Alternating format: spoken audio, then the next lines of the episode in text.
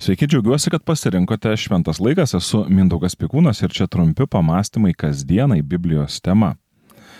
Mano žmona paliūdis nemėgstu žiūrėti draminių filmų, kur veikėjai išgyvena nesėkmingą meilę, asmeninės dramas, neteisybę ar aplinkinių žiaurumą, jau nekalbant apie siaubo filmus ar kino juostas su bloga pabaiga. Gal tiesiog nemoku su savo vis priminti, kad čia tik filmas, o gal tų kino filmų siužetas būna per daug įtraukus, nežinau. Bet kartais su šiuo jausmu susiduriu ir skaitydamas Bibliją, kurioje apstu pasakojimo apie gyvenimo žiaures realijas atrodytų be konkrečių atsakymų ar net gerų pabaigų. Vienas iš tokių pasakojimų yra istorija apie Jėvą ir Adomą ir žalti. Tai liūdnas pasakojimas, kuriame mes matome Jėvą nusidedant, nes ji per ilgai lūkuriavo prie gėrio ir blogio pažinimo medžio, kol galų gale susigundė suvalgyti jo vaisių. Ir įdomi čia su tuo pažinimu. Viduramžiais visuomenė kankinosi prietarų vergyjoje. Žmonės nyko dėl pažinimo stygiaus. Tamsa valdė. Dabar žinių nestinga, jų net per daug, tačiau gyventi lengviau nepasidarė. Galvojom, kad žinios išsklaidys prietarus, tačiau atsirado nauji ar atgimė seni, nes prietarų vien tik informacija ar žiniomis nesunaikinsi. Dabar gyvenam ilgiau, Šypsenos baltesnės, maistas įvairesnis, pasirinkimų spektras platesnis, bet kaip nemokėjome gyventi, taip ir nemokame. Vis persekioja įkiri mintis, jog daugiau informacijos padės rasti atsakymus į širdies klausimus, jog jis, tai yra pažinimas, užlopys sielos tuštumą. Tačiau kartu su Jėva rinkdamiesi pažinimo medį ir nusigraždami nuo gyvybės medžio mes netikėtai tampame liudininkai įrimo, kuris paliečia visą aplink. Informacija padeda, žinoma, nereikia tuo abejoti. Tačiau informacija yra lyg maisto produktai išimti iš krepšio ir sudėti ant stalo. Tai, kas bus iš jų paruošta, priklauso nuo šeimininkės kompetencijų, šeimos norų ir galų gale nuo požiūrio į maisto paskirtį. Taigi, kalbant apie žinias ir pažinimą, manau, kad požiūrio, su kuriuo žinios yra priimamos, atmetamos ar vertinamos svarba neturėtų būti nuvertinama. Kad ir kokios svarbios yra žinios, sunku būtų paneigti vidinės nuostatos arba požiūrio svarbą. Prancūzų kilmės rašytojas Marcelis Prustas rašė, tikrieji atradimai ateina ne ieškant naujų kraštovaizdžių, o turint naujas akis. Jėzus apie tai kalbėjo dar anksčiau. Kūno žiburys yra akis, kalbėjo Jėzus. Todėl jei tavo akis sveika, visam tavo kūnui bus šviesu, o jeigu tavo akis nesveika, visas tavo kūnas skendės tamsoje. Taigi, jei tavyje esanti šviesa tamsi, tai kokia baisi toji tamsa. Mato Evangelija 6 skyrius 19-23 eilutės. Pasak Jėzaus, skirtumą tarp to, ar gyvename šviesoje ar tamsoje, daro tai, kaip matome. Jei ieškome tik informacijos, tamsieji amžiai iš mūsų gyvenimų gali taip ir nepasitraukti. Tai puikiai liūdija ir tai, jog mums gyvenant žinių gausos amžiuje vis niekaip negalime nustoti kariavę vienas su kitais, jau nekalbant apie baimių ir nerimo gausą. Dažnai patariame vienas kitam, keisk požiūrį. Tik sakydami tai ne visada įsisamoniname, kokią lemiamą įtaką šis požiūrio pakeitimas turi mūsų gyvenimams. Ir ne tik tai. Ne visada netgi suvokiame, kad jis požiūris nėra vienišas benamis, klajojantis mūsų sielos platybėse. Jis nėra kuriamas vakume, tikintis, kad įgalintas mūsų valios pats sukurs trokštamą gerovę. Požiūris turi turėti namus ir tie namai, pasak Jėzaus, yra Dievo, tėvo namai.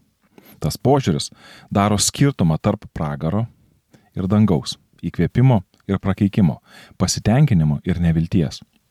Daugeliu kalbėti apie Dievą yra pakankamai sava, tik dažniausiai, kas turima omeny, tai kažkoks mistinis dvasingumo jausmas ir neapibrieštas Dievo supratimas.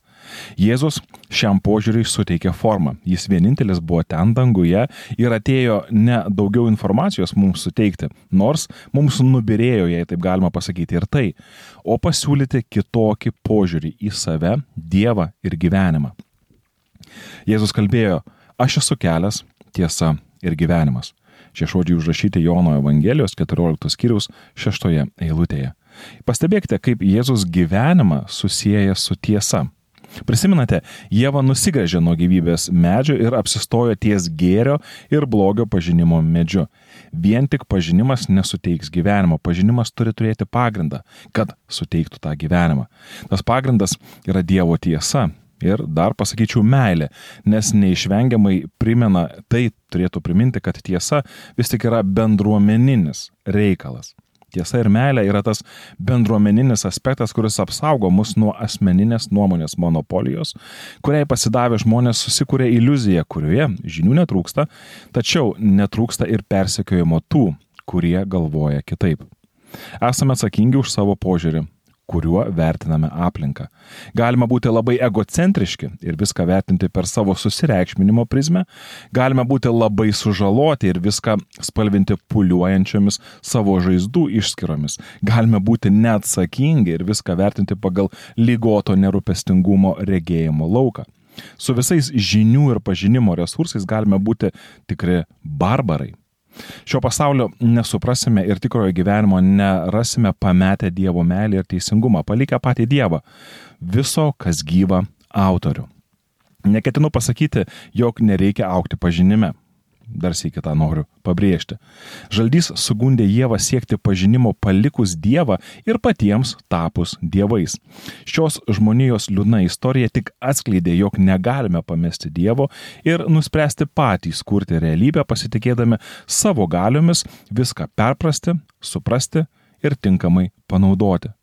Visos mūsų žinios ir pažinimas be meilės ir tiesos pagrindo yra dar viena manipulacijos forma siekiant pranašumo prieš kitus ir asmeninės gerovės kitų sąskaitą, net iki galo nesusimastant apie tokio elgesio pasiekmes. Toks pažinimas yra apgaulinga gerovė, stuminti žmoniją į pražūtį. Negaliu teikti, jog žmogus būtinai yra nenuoširdus. Problema yra ne mūsų gerose siekiuose.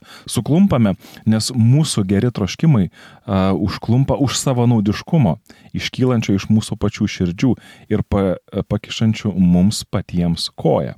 Mūsų širdims reikia atgaivos, ją galime rasti Dieve. Patikėjo jo meilę mums, jo globa ir jo begaliniais resursais įgalinti mus kurti gėrį ir harmoniją, pasiliekant santykėje su juo. Kol esame vieni, galime manyti, jog viskas gerai su mūsų tuo požiūriu ir tikrai mes esame šaltiniai meilės ir tiesos, galime dienų dienas praleisti prie pažinimo medžio ir nejausti tame nieko blogo. Tačiau užtenka tik išeiti į gatvę ir tai patikrinti. Jėva suvalgiusi uždrausto vaisiaus iš karto susipyko su visa ją supusią aplinką. Jos pasirinktai geroviai visi iš karto tapo trukdžiai ir kaltininkai jos problemų. Pasikeitė, išsikreipė Dievos, atsiprašau, Jėvos vertinimas. Ir šis Išdidus požiūris jai buvo labai savas. Ji pradėjo vertinti aplinką ir informaciją traktuoti naudodamasi ne meilės ir tiesos kategorijomis. Ji paliko Dievą ir subirėjo kaip asmenybė. Subirėjo ne tik tais ji, bet ir jos šeima.